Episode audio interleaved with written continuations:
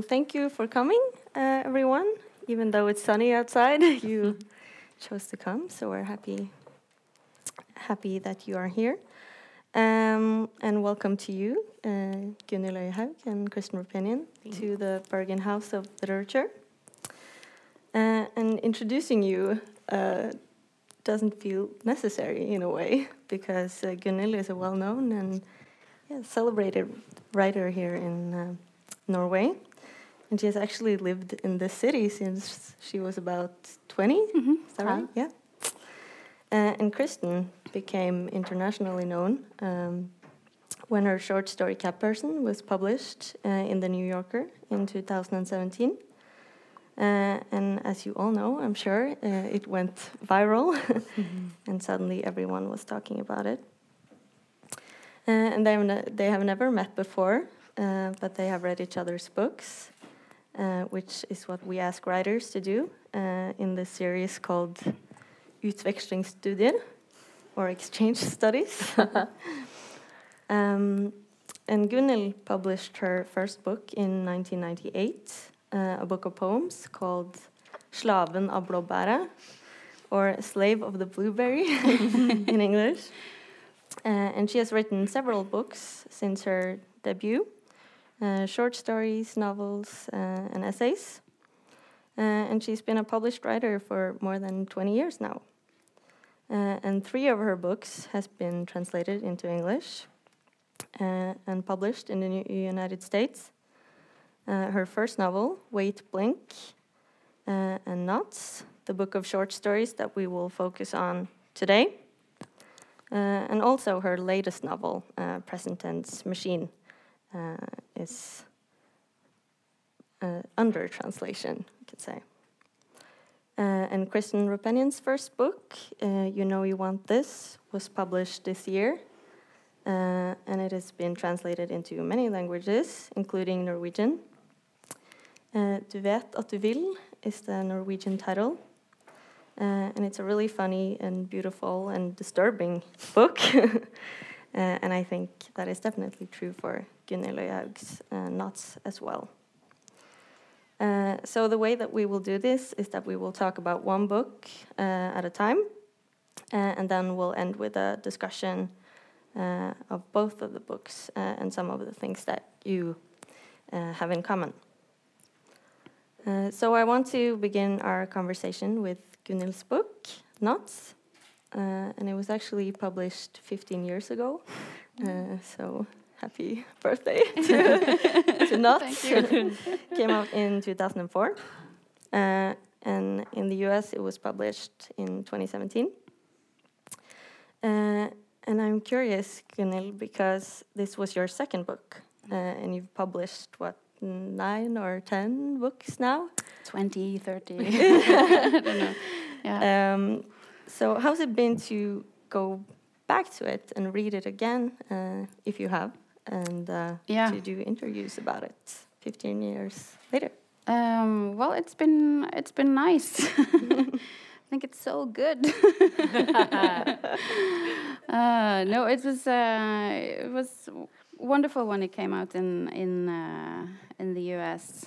in 2017 because I had to do that. I had to go back and I have to had to try to think about uh, because that's the kind of questions you get uh, where did this come from? and I had to kind of dig quite deep into my uh, memory and try to remember what it was. And that led to some very, uh, for me personally, um, uh, nice, what do you call it? Um, meetings again, uh, encounters again with, with, uh, with my past and with the things that had inspired me then. Uh, so that was interesting, and it's also um, it's also quite for me as a writer. It's it's also this is written because my first book was a, a, book of poetry, and that was came a bit as a shock to me really because I'd always written prose, and I had always thought that I would write short stories. So the the collection of of uh, of poetry just kind of snuck in. Before I, what I thought of as my real debut was this one really. Um, and I had been working on it for, for many, many years before it came out. Um, so, um, and it's kind of nice to see that kind of um, I feel that there's a kind of raw energy in it that kind of I think maybe got uh, I don't think it got lost, but it kind it kind of is my new favorite word I can feel now. but it uh, it has turned into something else, and I also can see that some some of my some of the it's a I remember that I felt that I had kind of literary superpowers and that I didn't know quite like I could do anything. So it's a it's a and that's a nice feeling to have, I think.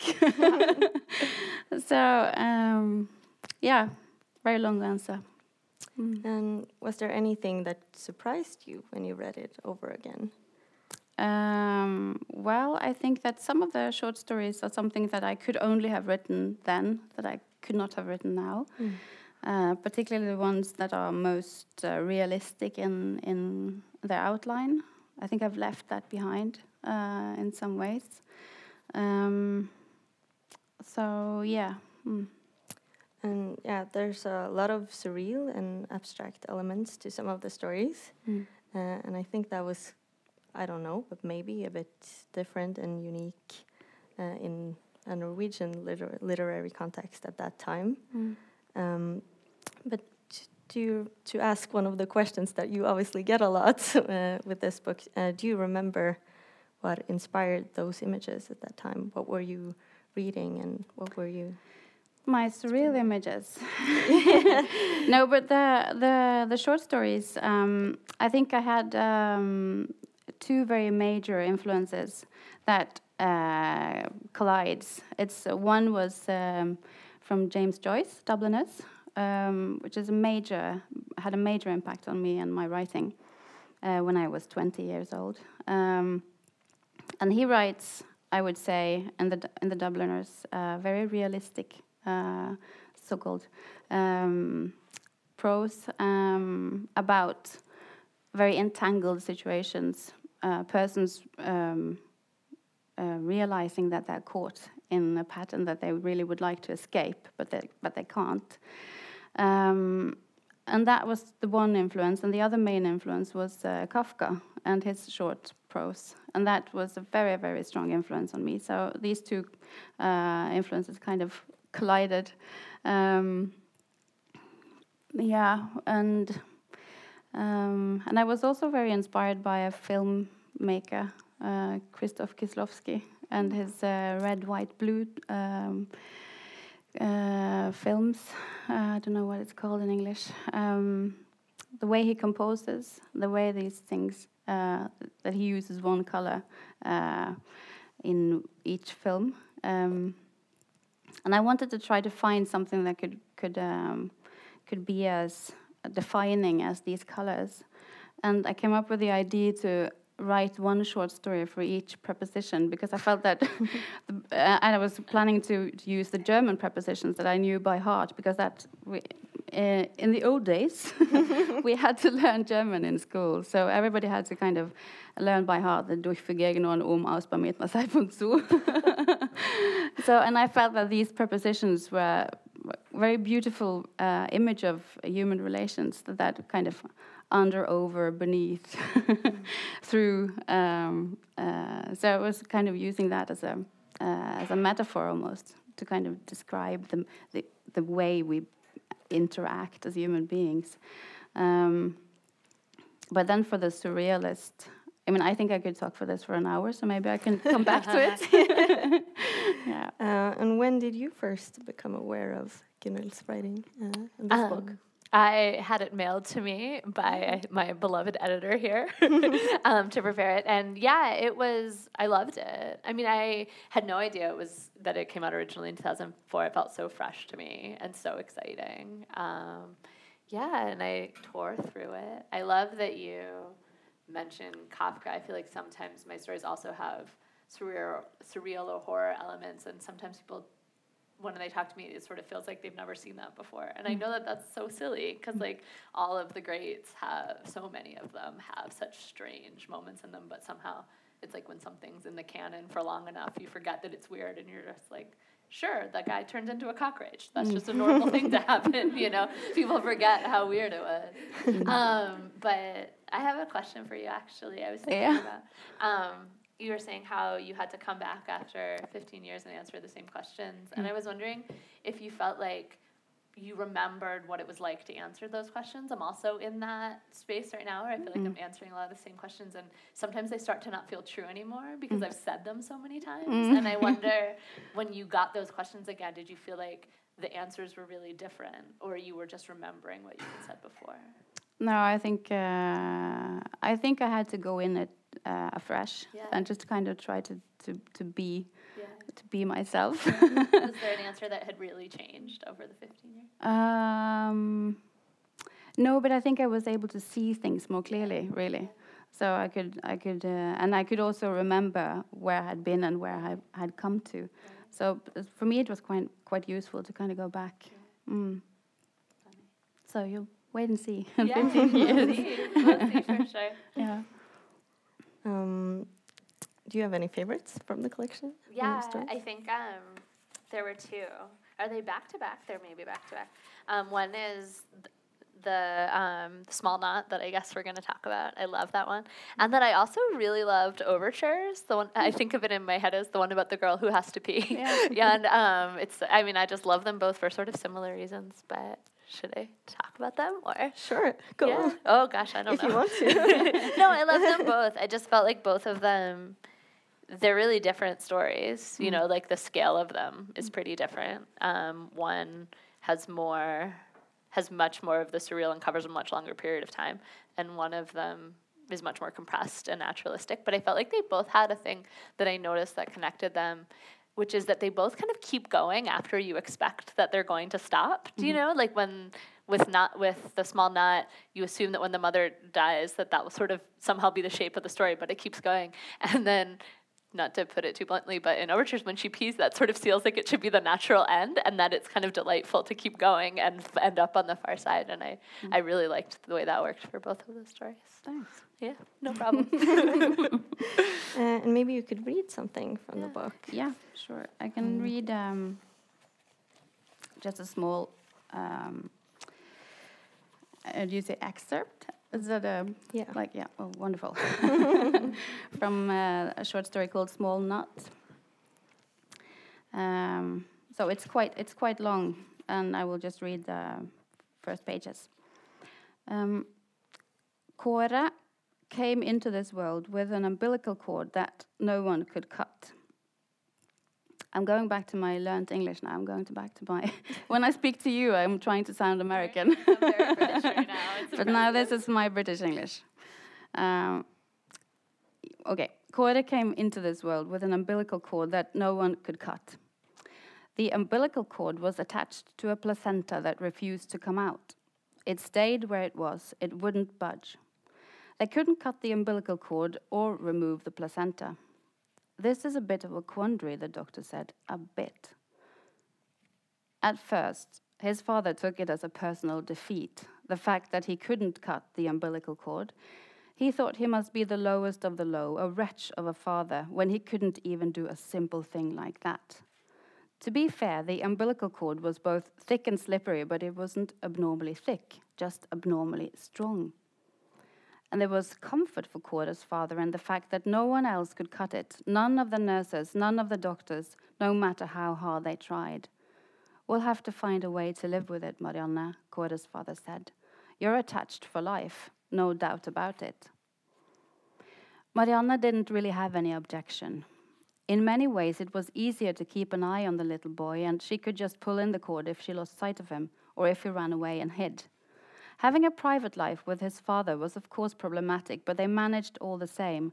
It was just a matter of doing it as quietly as possible, with as little movement as possible. Kåre's father, on the other hand, found it harder and harder to cope with the situation. He needed movement, he would sometimes shout when he got really angry.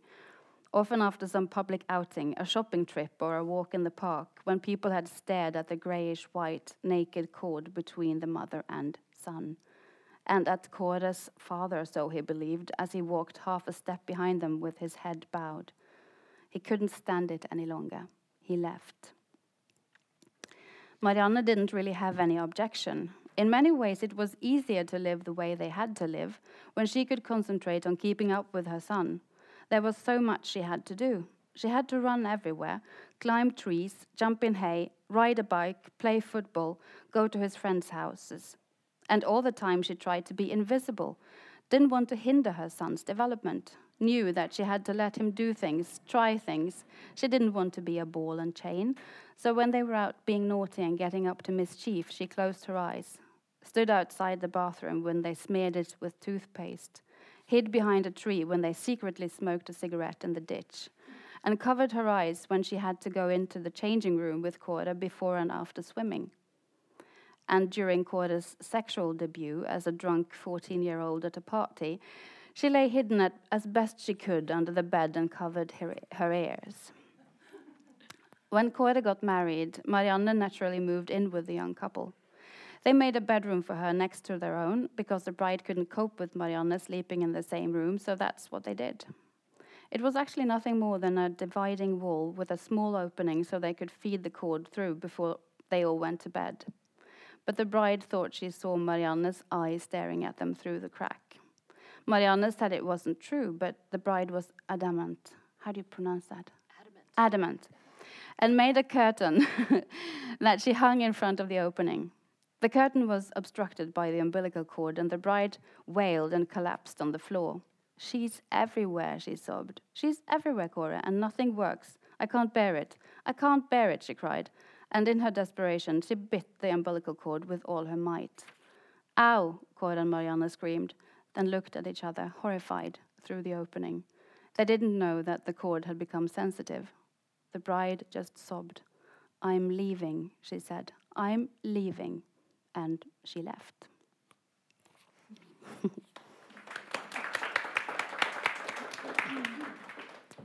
Thank you. Um, and a lot of your writing seems to be motivated by the question of what if, like in this story, what if a boy is born and he's stuck to his mother by an uncuttable uh, umbilical cord, or in another another story of yours where uh, a girl puts nail polish on her fingers and she can't take it off. Mm. Uh, and why is that question, what if, so effective, do you think? Um, I don't know. It might be because I'm uh, almost obsessed with worst case scenarios. you know, what if I get stuck in the door? That was my first, well, my, my first thought uh, when the University of Bergen changed the doors from, you know, doors that open this way until sliding doors. And my first thought was, I'm going to get caught in this door. so I think uh, I think what if thoughts uh, are, are, both very um, uh, negative in my life and my personal life because they make me very neurotic. Uh, but also it's a kind of uh, uh, undying source of inspiration because it's there's so many what ifs. So um, yeah, because I, I, I, like to wear nail polish, and, and suddenly I thought, what would happen if I couldn't remove it? I would feel so claustrophobic. Uh, so that was the initial idea for that story. Um, yeah. Uh, and you have mentioned in interviews before um, that misinterpretation or misreading mm. uh, is important to you when you write stories. Why yeah. is that? Yeah, but that's this, almost the same thing, I think, because uh, when you read a word wrong, uh, then suddenly something completely new opens, something you had no idea or, or possibility to, to think out yourself. Um, it's difficult to explain in English because I can't think of any any English misreadings I've done. Uh, well, actually, I do remember one. I I, I read. Uh, I was going to read um, um, a sentence. I was going to read a sentence in English. it's a good plan. and I think it had. Uh, it was a title of a book, and it was uh, about the deep. Uh, I can't remember all of it. The deep laws of cosmos. And then I read The Deep Lawns of Cosmos. and that's just so wonderful. I could just kind of picture all these deep lawns of cosmos. and that's uh, and that's the kind of uh, image that suddenly uh, comes out of nowhere, or it comes out of a word, and that creates a completely new thought. I took I took German in high school also. Uh-huh. I don't think I got as far as you did, but I remember we were learning we were reading a story, the class in, in my senior year, and we only realized when we were halfway through, it was a full novel, that we had all thought that it was a book about fairies, like magical creatures who flew around, when in fact it was a book about fairies, as in boats. And our teacher hadn't known, and we all just had this whole different book that exists in our head. And I still, when I think about that, I picture I picture the fairies. Yeah. don't picture the fairies. I don't have any idea what was actually happening in that book. No, but I have the same with the the you know this is a song lyric problem Uh-huh. also. Yes, totally. So I have this uh, living on a prairie. exactly. So and I, I still I still Yeah. I still see that. I'm Yeah, people that's living on the prairie. Yeah. yeah. Halfway Yeah. there. Um, and do you remember when you first uh, read uh, or heard of uh, Kristen Roupenian and uh, her story? Yeah, I was extremely jealous. Oh, no, and yeah, I do remember uh, because it was viral, you know. I, I do. I remember. yeah, Yeah. yeah, it was uh, it was wonderful. Yeah. So Yeah. yeah. And what did you think of it initially when you read it? Uh, well, I think it's brilliant. I do. Uh, I think it's one of the most. Um, uh, it gets so close to, uh, I think, a theme that so many can relate to. These different. Uh, I don't know how many of you have read it. I think you should all read it if you haven't, uh, because it it depicts uh, the situation. It's about a uh, a very uh, unhappy, should we say, Certainly. relationship between a young girl and a slightly older man, Yeah. and um, and all the miscommunications Right. that happens in that uh, could possibly happen. And also, I think one of the things that I really love about the short story is how you analyze uh, the feelings and how this shift from how she uh, really wants him to be attracted to her and how she loathes him but then uh, she wants him but then when she feels that his uh, attraction is or when she's scared that she he's, he's not attracted attracted to her anymore she's kind of um, uh, how do you put that then um, well making a stronger effort and Right. yeah to, to get him to like her or yeah To like so regain control. yeah to regain control and that's uh, that these shifts in the in this relationship i think it's just wonderful uh, and i think that's also one of the reasons that so many people uh, loved it Thanks. Mm-hmm. Thank you. And I asked you that qu- uh, question, Kristen, when we had a conversation on Wednesday in uh, the Oslo House of Literature.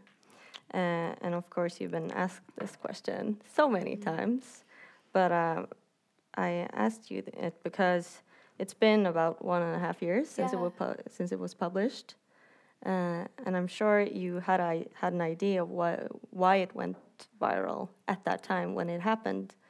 Uh, but now, one and a half years later, uh, how has that idea changed, or uh, how would you answer that question today? Why Yeah. it I mean, resonated with so many people? Yeah, I mean, I feel like the truth is I didn't have an idea when it first happened. I was just overwhelmed by it, and it felt like something truly like the biggest, the best analogy is it just felt like a storm swept in. Do you know what I mean? And it just came and picked up a story that seemed like it was in one place, you know, and just picked the story and me up and just threw us like across into like a whole new world. Do you know what I mean? So I didn't even have a theory about why it was happening. I was just trying to survive the fact that it was. um, and I think since then, and so part of that too is I feel like I am probably I may be the person who has thought the most about why it's happened, but I have the least, in some ways, the least insight into why it happened because I had such a strange perspective on it. Right? Um, I said this to you there, but wh- when it first started happening, I turned off my computer. I tried to avoid my phone. It felt like all this information was coming at me too quickly to process, um, and I didn't open like sort of come back and look at it until it had sort of passed it really all happened essentially over the course of a weekend you know um, and i've spent the past year and a half yeah sorting sorting out why um, and I do have an answer now, and I, I wonder if in 15 years I'll have a different answer. I'm sure that I will, and I'm sure I'll see it really differently. Um, but right now, and I think my answer is also drawn from other people, so I sort of can rely on that. But um, I think that part of it, I think the timing was right. Um, I think so. It came out in December of 2017, so that was sort of in the not it was it was in the midst, I guess, of the Me Too movement, and people were having they were hungry, I think, to have some really difficult conversations that maybe they hadn't quite felt ready to have before. There was a sense, at least at home, but I think everywhere, of just like intense tension and kind of frustration and anger that needed an outlet, but like not even to be directed, but just to say, like, look how bad things are. And I think the story helped people talk about both the events in the story, but then was a jumping off point um, to talk about a whole lot of other things that were like maybe more loosely connected, but like the conversation itself had momentum. I think the thing that's the most important to me that feels like the core of of what mattered and the conversation was kind of along what you were saying which was um, just that it helped people i think the women especially who looked saw read the story early and cared about it saw something in the story that they that they recognized that it was something that they had experienced, but that not just that, but that they hadn't quite seen it in that way before, but also maybe they hadn't recognized it in themselves. Like that the way that I've put it before is like if you had asked people, you know, would you ever have sex with someone just to be polite? They would say, no, that's ridiculous. Like, why would anyone ever do that? And it's only when you see it sort of broken down step by step, almost minute by minute, that you can say, yeah, maybe I would. And in fact, I have. And I think that people were, it was a brave thing to like look at something not that beautiful and say, oh, yeah, like that's familiar to me. So I think that was a big piece of it. But I also think, and then I'll end my thesis on, um, is that uh, that I think unbeknownst to me, I wrote a story. I knew there was ambiguity in it. I did not know I wrote had written a story that could divide people quite as dramatically as it did. And I think for something to really go viral, you have to be able to just fight about it. And I think at some point, it just was like there was a moment where everyone had to have a side and have an opinion, and they could essentially just scream it at each other for like a day. Um, so that seemed like the sort of last stage. Um, but before that, I think there were some really interesting and, and like powerful conversations that people were using the story as a way into having. Yeah, definitely. And uh, I want to talk about your book. Cool. Uh, Cat Person is, is in it, yes. but uh, there's a lot of other great yeah. short stories in there. And this is the Norwegian yeah. um, book, and I hope you all read it because it's really good, and the translation is is great too and that doesn't always happen. So, um, and the stories uh, in this book are all very dark. Yes. Uh, much darker than a lot of people expected, I think, after having read Cat Person. Yeah, although uh, Cat Person is also very it's dark. very dark to be fair. um, but these stories stories are still kind of different. Uh, there's a lot of supernatural elements to them uh, as well.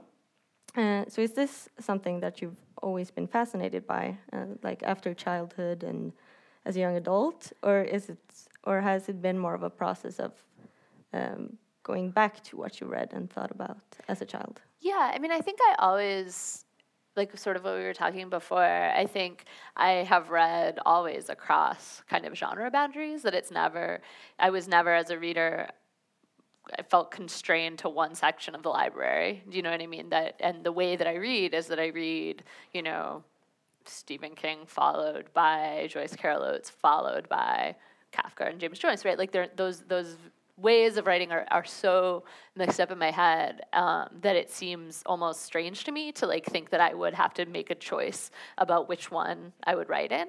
And yet it did take take me a while to feel to sort of remember that I could. I feel like as I started writing for school and sort of having a more kind of formal relationship to literature, a lot of my the initial influences kind of faded away and there was a real process for me as I began writing again seriously in my 30s like to think about what are the stories you've actually loved. And when I was doing that, I found myself much more open to writing things that didn't necessarily fit neatly within a genre, that started being actually, there was a period where they were much less realistic. So I started out writing realistically and then came back and suddenly there was a sort of like flourishing of um, like kind of like oh like remembering to do it again and then doing it really passionately. And then some of the later stories in the collection are also the most realist. And i think there was just a kind of a return like i i, I captured some of the excitement um, of reading the books that i love writing stories like that and then finding that i could like bring that into um, all kinds of stories regardless of, of genre. Uh, and one of the recurring themes uh, in in this book um, is how how hard it is to see the other person clearly, Yeah. and especially people we are attracted to, yeah uh, and what we do to sort of cover that up. Right. Um, and as a reader, you can see this in Cat Person, but uh, also in another story uh, called The Good Guy. yeah Uh, and I want to talk about Ted. sure Uh, he is the self-proclaimed good guy Uh-huh. uh, in the story. mm-hmm. So how does Ted uh, use this nice guy trope uh, to his benefit? Tell us about the story. Sure. So, um, Cat Person and The Good Guy, I do think of as sort of like the core of the collection, and they are actually both realist stories, though I think fairly different. Um, Ted is the story. The good guy is from the point of view of Ted, who is he's in his mid thirties when we meet him. He's on. He's also on a on a date that is ending badly, but we meet him sort of right in the moment before it ends, where a woman kind of like throws her glass at his head and she's like you know and she's furious at him and he's like I'm a good guy and yet I somehow keep ending up in positions where women are really angry at me and feel like I'm d- treating them really poorly. Um, and he recognizes the kind of tension there. He's not fully just lying to himself. Um, but then the story fla- flashes back um, and we see ted kind of in his early formative years um, in relationships with two two girls, um, Anna and Rachel. And I think, yeah, I'm really interested in all my stories about in thinking about the ways that kind of we we don't just like look at each other or misread each other, but we kind of like create each other as we're getting to know one another. I think that's really in any relationship, and particularly in any romantic relationship, there's so much storytelling going on. There's so much presenting yourself to another person, sort of with a good story, you know, like kind of framing what you say, who you are, the way you act, telling them a story you want them to believe. And then there's also the interpretation on the other side. There's looking at the person and, and pulling all these clues. That was a real like theme and cat person, right? Like knowing a handful of facts about another person and then using that to create a whole idea of another person that you then sometimes are you can see more clearly than the actual person in front of you and how sometimes it can be really like a kind of violent collision when the person you've invented bumps up against the person who's who you're actually on a date with or trying to get to know and i think yeah i'm really i'm f- i'm fascinated with that as a process and i'm also particularly fascinated by it when when it goes wrong um, which it does in both of those stories. yeah Uh, and you write a lot, a lot about sex as well. i do Uh, Gunhild does too, actually. Uh, and I um, stopped. Did you? that. You're just like too Why? much, too many questions, too much personal. yeah, it was too much. really? wow, that's Yeah. fascinating. But- Never even occurred to me I could stop. Maybe I'll just No, stop. no. Yeah. but it's it's really difficult to write about sex. I think so, at least. Uh, and I mean that's why the Bad Sex in Fiction Awards uh, exists. Uh, you seem to to like it, or do you? yeah, I mean, I said this what, yeah, when we were talking before, and it does seem true that that the bad sex in fiction awards tend to be given to people who are trying to write about good sex, which is a much trickier proposition than writing about bad sex. I think that cringy feeling that comes when you're reading bad se- when you're reading a bad sex scene often comes from the fact that the author or the imagined author is trying to say one thing and you the reader is are like on a really different page. And so there's that kind of like gap and embarrassment. The thing about a lot of the sex in my stories is that the characters are already at that distance. They're already kind of like looking at it from afar and being like ugh they're out of the moment. And i think that's actually I didn't really quite realize that until I looked at them all together, and I and I think that is a very different. In that sense, the characters and the and the the readers are on the they're in the same place. And so it's easier to write that kind of a story without feeling like uh-oh i'm going to lose control of, of the narrative. Um, i also think yeah it's really i like writing about sex. I, but i like writing about anything that feels kind of like i'm not supposed to be writing about it. For me writing like to have energy and to make me want to do it has to feel a little bit scandalous. And i think that's not only sex at all. It's you know violence or just relationships that are really weird or monsters. You know, like there has to be that kind of like kinetic energy that feels like, oh, maybe I shouldn't actually be doing this. And that's harder and harder to capture the more you you write. But for me, it it can really power a story. Absolutely. Yeah. Um, and you write a lot about power dynamic, yeah. dynamics. Yeah. Uh, and in one of my favorite stories yeah. in your book, uh, which is about Ellie, uh-huh. uh, who is a woman who fantasizes about biting her new coworker, Corey uh-huh. Allen. uh, and would you like to read something? Sure. Um, how much time do you have? You can read for 10 minutes okay. if you want. I can read for about 10 minutes, so I can start at the beginning, so you'll know what's going on. So, yeah, this is from, but I won't read the whole thing. So, um, this is from the last story in the collection called Biter. Ellie was a biter. She bit other kids in preschool, bit her cousins, bit her mom. By the time she was four years old, she was going to a special doctor twice a week to work on biting. At the doctor's, Ellie made two dolls bite each other, and then the dolls talked about how biting and being bitten made them feel. Ouch, one said. Sorry, said the other. I feel sad about that, said the one. I feel happy, said the other. But sorry again. She brainstormed lists of things she could do instead of biting, like raise her hand and ask for help, or take a deep breath and count to ten.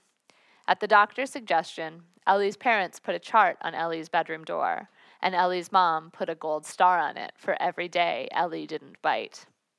But Ellie loved biting, even more than she loved gold stars and she kept on biting, joyfully and fiercely, until one day after preschool, pretty Katie Davis pointed at Ellie and whispered loudly to her dad, That one's Ellie. No one likes her. She bites people. And Ellie felt so sick with shame, she didn't bite anyone again for more than 20 years. As an adult, though her active biting days were long behind her, Ellie still indulged in daydreams in which she stalked her coworkers around the office biting them. For example, she imagined sneaking into the copy room where Thomas Whitcomb was collating reports, so engrossed in his task that he didn't notice Ellie creeping up behind him on all fours. Ellie, what on earth? Thomas Whitcomb would cry in the final seconds before Ellie sunk her teeth into his plump and hairy calf. For while the world had succeeded in shaming Ellie out of biting, it couldn't make her forget the joy of tiptoeing behind Robbie Ketrick while he was standing at the craft table, smugly stacking blocks. Everything is normal, quiet, boring. Then here comes Ellie, chomp. Now Robbie Ketrick is screaming like a baby, and everybody is scrambling and yelling, and Ellie is no longer just a little girl, but a wild creature, pacing the halls of the preschool sowing chaos and destruction in her wake. The difference between children and adults is that adults understand the consequences of their actions, and Ellie, as an adult, understood that if she wanted to pay her rent and keep her health insurance, she could not run around biting people at work. Therefore, for a long time, Ellie did not seriously consider biting her coworkers, not until the office manager died of a heart attack at lunch in front of everyone, and the temp agency sent Corey Allen to replace him. Corey Allen. Later, Ellie's coworkers would ask each other, what on earth had the people at the temp agency been thinking, sending him? Green eyed, blonde haired, pink cheeked Corey Allen did not belong in an office environment. Corey Allen, like a faun or a satyr, belonged in a sunlit field surrounded by happy, naked nymphs making love and drinking wine. As Michelle in accounting put it, Corey Allen gave off the distinct impression that he might, at any second, decide to quit being an office manager and run off to live in a tree. Ellie, who was something of an outcast at work, often walked in on hushed conversations about Corey Allen that presumably centered around how much the other women in the office wanted to sleep with him. Corey Allen was beautiful and fey. Ellie didn't want to have sex with Corey Allen. Ellie wanted to bite him. Hard. She discovered this while watching Corey Allen place glazed donuts on a platter before the Monday morning meeting. When he had finished arranging the donuts, he turned around and, noticing her staring at him, winked. Why, Ellie, you look hungry, he said with a leer. Ellie had not been checking out Corey Allen the way he seemed to be implying. She hadn't even been thinking about the donuts. But suddenly, she found herself imagining what it would be like to lock her jaws onto the soft part of Corey Allen's neck. Corey Allen would yelp and sink to his knees, that entitled look wiped right off his face. He'd slap weakly her and cry, Oh no, Ellie, stop, please, what is going on? But Ellie wouldn't answer because her mouth would be too full of Corey Allen's sweet and gamey flesh. Not that it had to be his neck. She wasn't picky about location. She could bite Corey Allen on his hand, or his face, or his elbow, or his ass. Each would have a different taste, a different mouth feel, a different proportion of bone to fat to skin. Each would be, in its own way, delectable. Maybe I will bite Corey Allen, Ellie thought after the meeting. Ellie worked in communications, which meant that she spent 90% of her time crafting emails that no one ever read. She had a savings account and life insurance, but no lover, no ambition, no close friends. Her entire existence, she sometimes felt, was premised on the idea that pursuing pleasure was less important than avoiding pain. Perhaps the problem with adulthood was that you weighed the consequences of your actions too carefully, in a way that left you with a life you despised. What if Ellie did bite Corey Allen? What if she did? What then? That night, Ellie changed into her nicest pajamas, lit a candle, and poured herself a glass of Cabernet.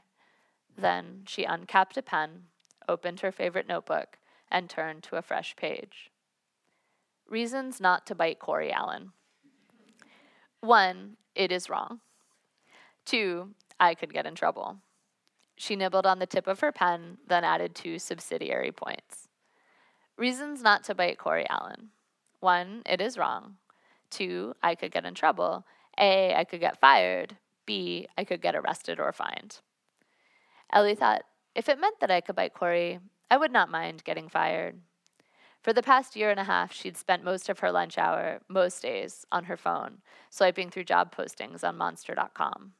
She was ready for a new position and felt perfectly well qualified for one. However, finding a new job after quitting your old one was not the same as finding a new job after you'd been fired from your old job for biting. Would it be impossible to get a new job in those circumstances, or merely very difficult? It was hard to know. Ellie sipped her wine and turned her attention to B, I could get arrested or fined. Well, that was certainly a possibility. But the truth was that if a woman bit a man in an office environment, there would be a strong assumption that the man had done something to deserve it. If, for example, she went up to Corey and bit him in full view of Monday morning of everyone at Monday morning meeting, and then later, when they asked her why she'd done it, she answered sexual gratification, then yes, she'd probably be arrested. But if instead she bit Corey in private, say in the copy room, and when they asked her why she'd done it, she said, he tried to touch me inappropriately, or even, so as not to mar his reputation, he came up behind me and scared me. I bit him instinctively. I'm so sorry then people would probably give her the benefit of the doubt. When you got right down to it, as a young white woman without a criminal record, Ellie probably had at least one get out of jail free card. As long as she spun some semi reasonable story, she would be believed. In fact, Ellie thought, as she stretched out her legs and refilled her glass of wine, there was another possibility for how all this could play out. What if she went up to Corey in private and bit him, and the experience was so bizarre that he didn't tell anyone about it because he had trouble believing it himself. Imagine it's late in the afternoon, past five, dark already. The office is empty. Everyone but Corey and Ellie has gone home. Corey is loading paper into the Xerox machine when Ellie enters the room. She stands behind him, inappropriately close. He thinks he knows what is coming. He stiffens, preparing to politely reject her, not because he has standards for workplace propriety, but because he's already hooking up with Rachel in HR. Ellie, he begins apologetically as she grabs his forearm and lifts it to her mouth. Corey's lovely face contorts, first in shock, then pain.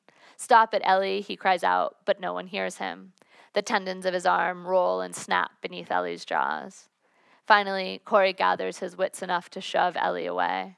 She stumbles backwards, lands against the st- stacks of copy paper, and slides to the ground. Corey stares at her in horror, clutching his bleeding arm.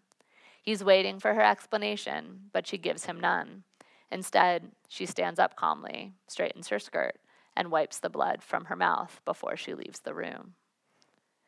What does Corey do? Of course, he could run straight to HR and say, Ellie bit me, but after all, it was an office, not a preschool. Everything about the conversation would be ridiculous. Ellie, did you bite Corey? They would ask. And Ellie would raise her eyebrows and say, Uh, no. What a weird question.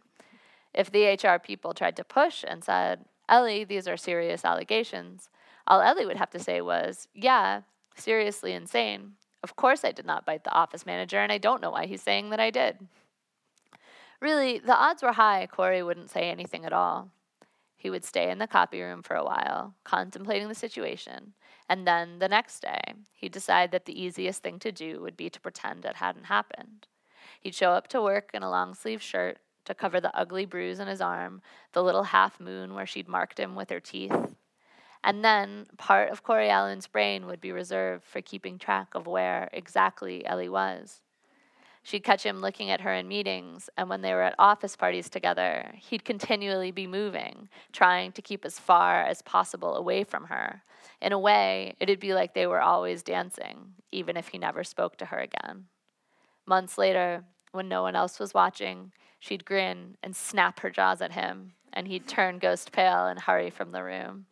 He would remember her for the rest of his life. They'd be joined by the glistening strands of his fear. I'll stop there. Thank you. Yeah. Um, and I feel a bit ambivalent about comparing writers. uh, and I also think that some critics have a tendency to put female writers, especially in the same book, Totally. same box, and in the same book. Uh, and compare compare them without really paying attention to uh, what makes each writer unique. Um, but I still think that you share some interests that ends up in your in your writing. Uh, but I want to ask you, uh, what do you think are some similar similarities between you and your works? Do you want to go first? Yeah. well, I think I recognize the. Um, uh, I think I recognize many things. Yeah. Uh, but I think um, particularly I noticed that the kind of uh, that you. Um, ah, my English. It's like a snowman melting. Suddenly, it's not there anymore. um, no, the range of uh, of styles, and that you can. Um, so in these two books, they are quite similar in that in that respect, I think. Uh, so that you can change from. Uh, I never know what to expect next Right. uh, when I read a, a short story. Um, um, and that you can change from a realistic story until, for instance, a, a fairy tale. That was quite, was quite interesting. There's a there's a whole fairy tale in the in here, um, and um, also I- I think I think we share an interest in the bizarre. I think, Yeah. Definitely. but I do think that uh, your stories are much more um, on the horror side.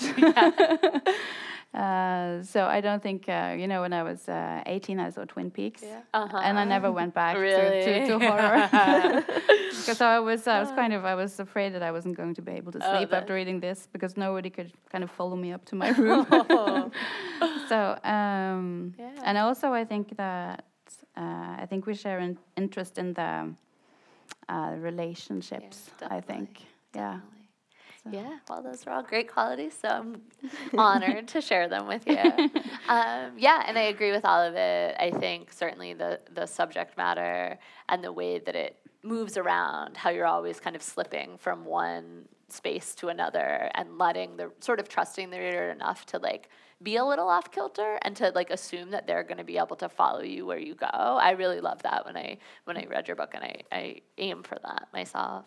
I think there's also a certain kind of like I don't know if I it I would say something I loved in your book that I try to aim for too is I feel like you there's a moment in the um, story you read where the wife bites the umbilical cord. And i feel like there's this tension that's when the um, as soon as the umbilical cord's there there's like the what's going to happen to it? Is it going to get hurt? Is kind of there. And yet i think the like you put it on stage and then you like test us and then you push us a little farther until like we have that kind of visceral feeling mm-hmm. you know like i can't read that scene without sort of cringing away from imagining what that would be like and mm-hmm. yet also being really compelled to imagine it. Mm-hmm. And i feel like that is something i go f- in all the books everything that i read and so something that i'm always trying for when i write is that feeling of i don't want to keep going but i have to keep going. I mm-hmm. need to know what's going to happen mm-hmm. um, and I, so i really loved that.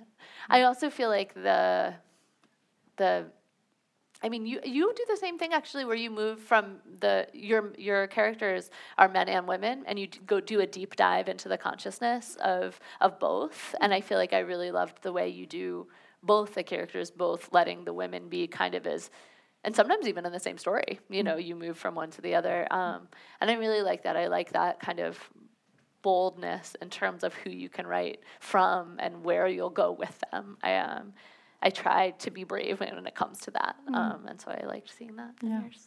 It's a great to, to kind of uh, uh, kind of uh, indirectly brag of yourself. exactly. Yeah. oh, Exactly. you're so good at this, and I am too. Yeah, right, and I'm always trying to do it. it. Is the best way. No, I that's the best it. way of putting it. Exactly. no, but there's one thing that I I, uh, I try to do Yeah. myself.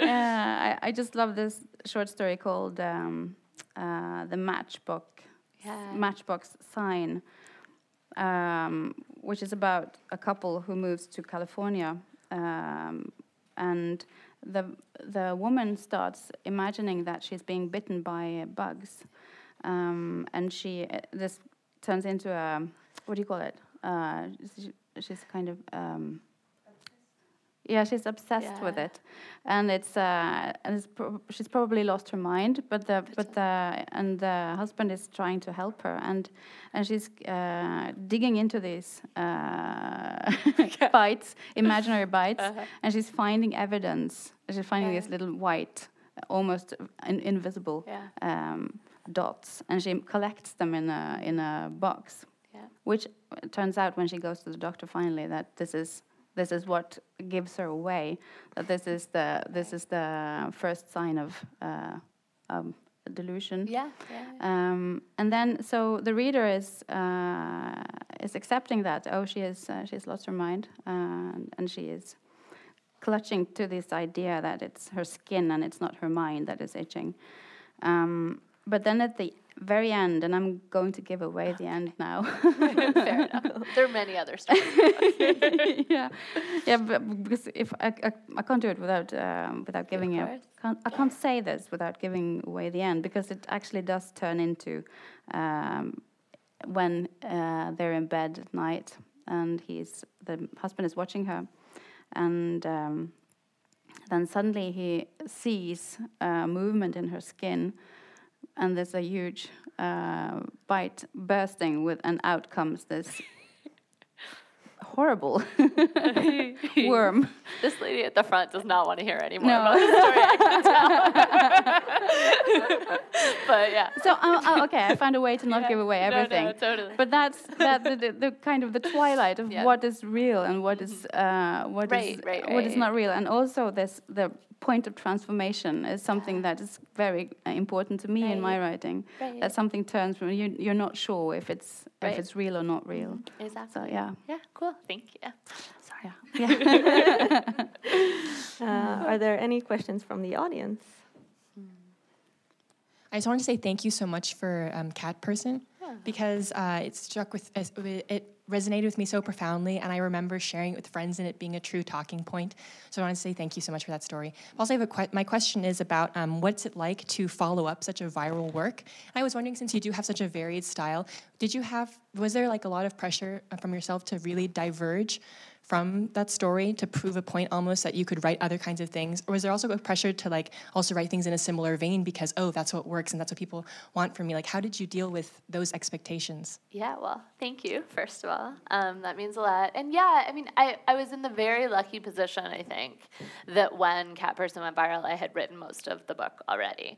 And so i didn't have to fully look sort of those I didn't have to look those questions in the eye quite as directly as I actually am right now, um, which is something I'm still kind of sorting through.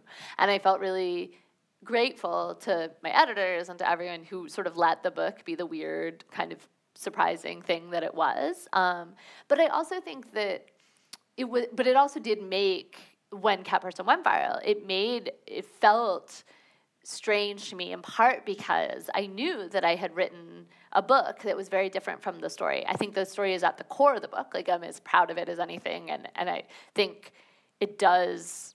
I don't know. Like the story both represented me perfectly because it's a story that I love so much, and was a sort of funny introduction of me to the world. And there was that fear that people were going to like look at who I actually was or what I actually wrote and be like, "No, thank you," um, and that was scary. But I feel like ultimately ultimately what i felt is that cat person is more like the stories in the collection than maybe is, a, is apparent at first glance and i think that the people who loved cat person were pe- were especially in that sort of first wave were people who were really willing to get pretty dark and like look at some uncomfortable things in the eye and to say like this is not a story that makes me feel good, but it still matters to me. And so I, I just sort of took the risk that like that would stay true. Um, and I feel like for the most part, I feel really good about where people have been willing to go.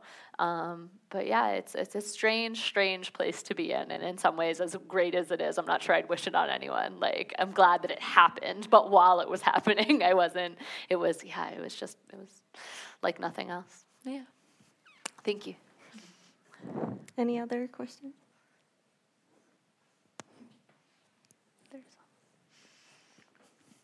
Uh, I was just curious because you, you were talking about how uh, being asked the same question over and over and how your answer mm, changed. Uh, yeah. Uh, have you had any experience with that since you? Yeah, I mean, it's funny. I Sort of. A lot of the questions that come to me are questions about what happened. Do you know what I mean? Like, they're questions like, where were you when Cat Person went viral? I can tell you guys. If y'all came to here, I can tell you where I was. Um, in the signing line later. No. Um, but yeah, but the questions about why the stories are the way they are and sort of what they mean, I definitely think they changed. And I think they changed in part because I didn't fully know what I had said, what I had written until I heard people talking about it and discussing it. And that has been a really, as, as overwhelming as this amount of feedback has been, I feel like I understand in my own book in a way that I didn't when I, fir- when I first finished it. Just hearing people argue over it and talk about it and sort of ask me questions about it, um, I feel like I'm much better at being able to talk about it than I was before. So that, that has been great um, and is, I think, is like what readers' jobs are, you know, is is to read your book and sort of create them with you. So yeah. Specific uh, answer which you just think back on and then think like, oh, I didn't answer that. Uh, I answered that so differently. Oh uh, gosh, let's see. Um, I guess one thing is when people were talking about the book as a whole, when it first came out, I felt like people, I felt like I didn't I didn't want to talk about the horror aspects of it as much because I felt like that would scare people off. So I try to be like, well, you know, it's about relationships and there are some monsters, but it's okay. Like you'll still like it. And then, but then when it wasn't getting reflected back as a as a book, I felt like as a book of like that was deeply influenced by some of the authors that I love. It felt more important to me to kind of like make the claim that it was like like I wanted to talk about my influences. I wanted to talk about Shirley Jackson because like I wanted people to understand where I was coming from. And now I think I'm kind of backing off a little, or I'm learning to, and just to be like, the book is the book. Um, and I don't feel that impulse to like explain myself the way I did at a point where I felt like I was being misunderstood. And that's true about Cat Person too. I didn't talk in public as much, but when it first came out, I felt this con- desire to control what people were saying about it. Um, and to be like this is the right interpretation and this is the wrong one and i've moved away from that dramatically just over time and so i think that is something that really has shifts um, is that feels like stories belong to the world in a way that they don't at the beginning. Yeah, thanks. Any other questions? Yeah. so what are you writing now? yeah. um, so I'm working on a few things. I'm I'm working on a novel. Um, I've had to put a lot of things. Like this year has just been crazy, and, and in part, I find it really hard to write. I don't know about you when I'm talking about my writing because it's like then I it's like thinking about walking and suddenly you get all self conscious and fall over, and so that's how I feel now. Um, but yeah, I was I'm working working on a novel. Um, I kind of I like to have a couple projects kind of going at the same time because a lot of often things burn out, especially when they're longer. So I try and have a few things going. So I don't actually know yet which one I think will be the one that carries on. I've also had the chance to do some screenwriting, and that's been really nice because I know that I'm just learning about it, and so I can just be a beginner, and it feels really good. Yeah, I was I was so, yeah. actually going to. That was one of the questions I was going to ask that I had Yeah. forgotten. Oh. Have you written anything for this? Because I think they are so uh, cinematic. Some of them. Thanks. Yeah. Um, so actually, no, I haven't adapted any of my own things. I feel like that's impossible for me to think about moving them in genres. Um, so if they get adapted, it will be by other people. But um, I do like. I think the same part of my brain lights up. You know, when I can just, I love the idea that I can imagine a movie and then I can just sort of write the outline and somebody else has to figure out how to make it real, which is what screenwriting is, at least, sort of. Um, and so, so yeah, that's been fun. And the book is actually being adapted into an HBO series. It's been optioned for one, so we'll Yeah. see. But yeah, So that's exciting anyway. Yeah, it I is. hope uh, I hope it happens. Yeah. Um, what are you working on? Gitte? yeah. Um, forty novels, three. no, I don't. I don't. I don't really talk about what I'm working Yeah. on. But I do. But you I- asked me anyway. Yeah, I did. So I'm no, I am working on a novel. Uh, I yeah. am, uh, and also short stories that kind of turn up. Right. Yeah. So you write short stories like while you're writing novels. Yeah. And then have them at the end. Yeah. Yeah, like you, I Yeah, have I have that's fun. different projects, and I don't know which one is gonna Yeah, take the right. lead, and then yeah, Yeah. see what I finish first. Well, That's sort of reassuring because I feel a Yeah. little scared of it. Yeah, it's normal. Uh, okay, I think we have to wrap it up now. All right. But uh, thank you so much, the both of you, uh, and thank you all for for coming. Uh, and if any one of you wants to buy a signed copy, uh, I think Kristen and Gunhild are av- available for that later downstairs. Yeah. Uh, yeah. So thank you. Yeah. Thanks, everybody. Thank you.